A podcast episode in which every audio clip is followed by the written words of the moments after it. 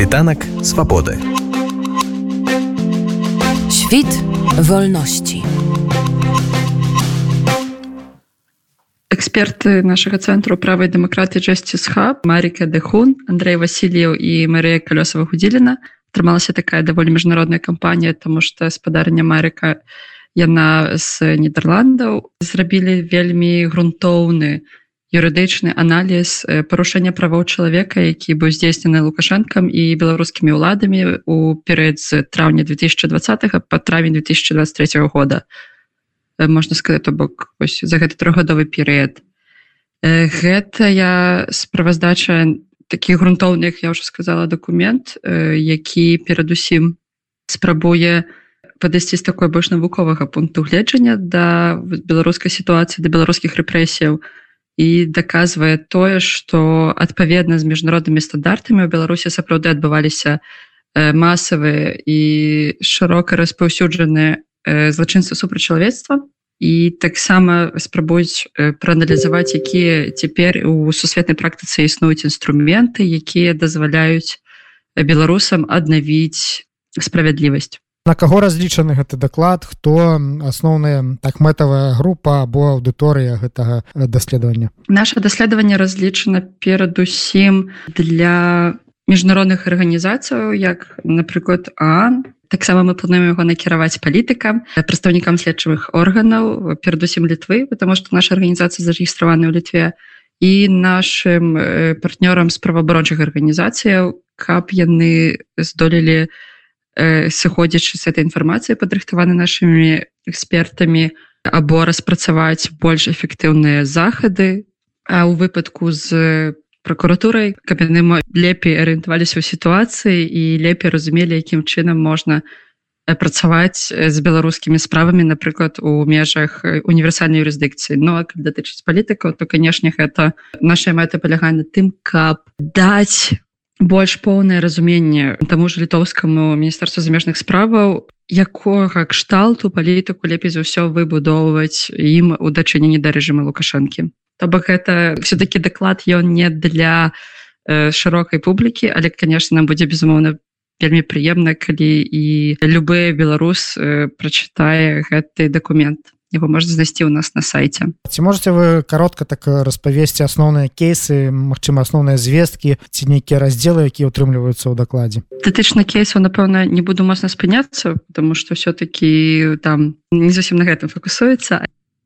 мы спрабавалі даць некі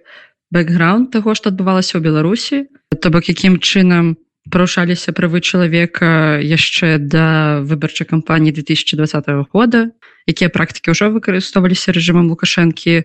ад моманта як ён прыйшоў да ўлады да 2020 года. Таксама мы спрабавалі на падставе дадзеных якія знаходзяцца ў адкрытым доступе якія таксама былі сабраны і нашими экспертамі наших папярэдніх справаздачах і дадзены якія збіралі наши калегі по правабрончым сектары проаналізаваць якія конкретна злачынствы здзейсняў рэжым то бок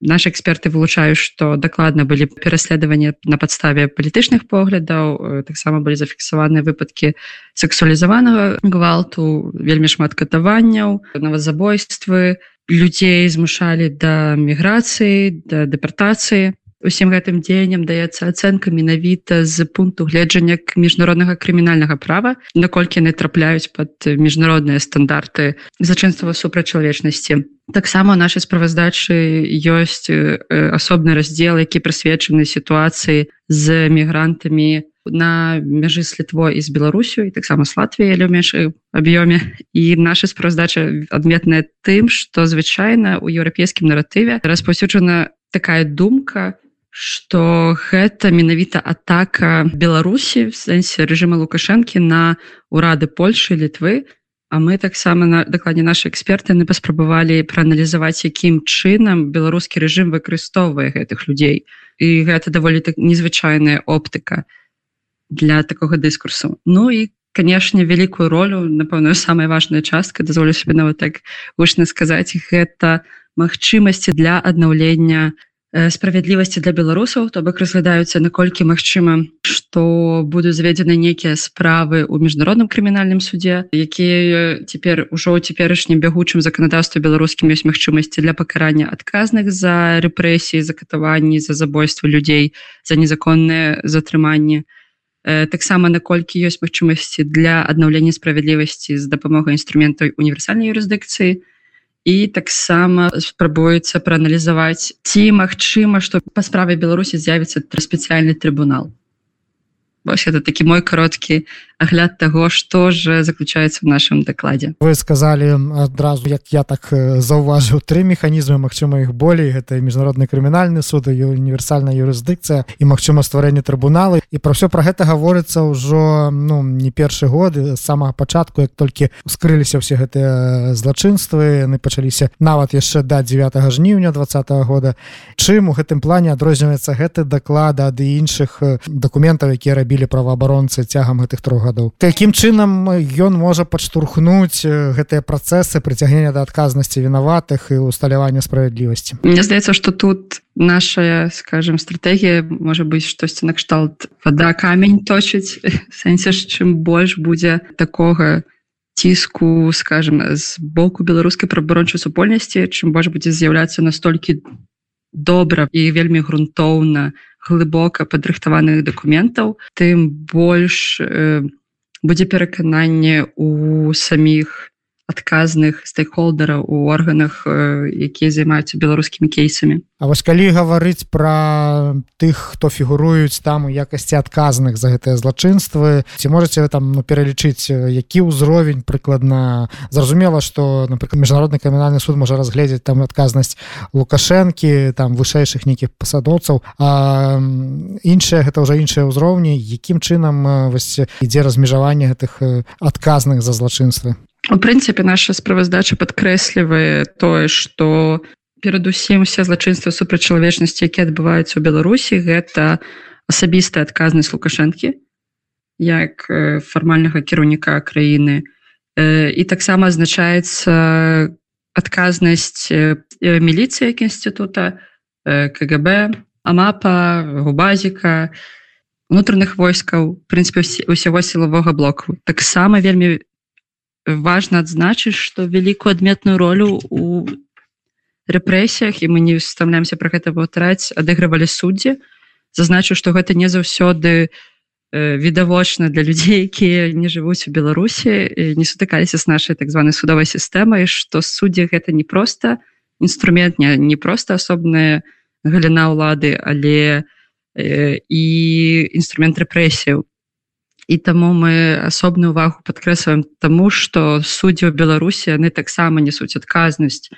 может быть яны не сваімі ўласнымі руками катуюць людзей у турмах не сваімі руками іх затрымліваюць але менавіта праз Мачыма некую брак волі іх асабістай ці там шчырае падтрыманне гэтага рэжыму яны скараюць людзей на вялікія тэрміны праз якія яны і пакутаюць Таму мы таксама зазначаем што беларускія суддзі на самых розных узроўняў ад раённых да на жаль нават канстытуцыйнага суду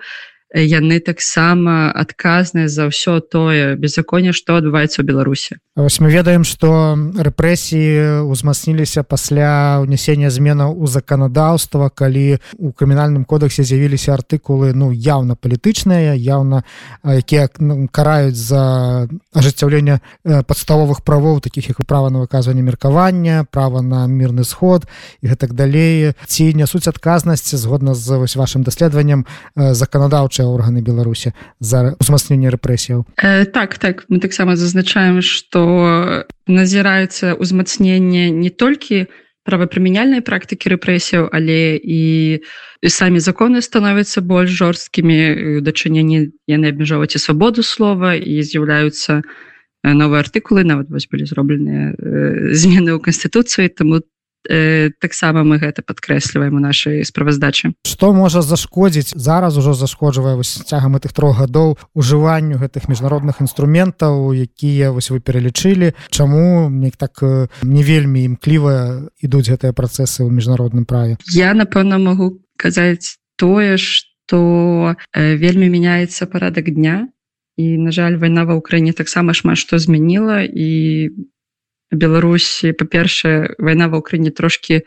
нават не трошки а даволі значна адсунула увагу з беларусі на украіну прынамсі ў нашым рэгіёне. І таксама Беларусь апынулася ў новым статусе статусе агрэсара што канешне не спрашчае працу ані праваабаронцам ані беларускім дэмакратычным сілам тому что зараз трэба перадусім даказваць что беларусы таксама пакутаюць Вось і гэта стварае дадатковыя складанасці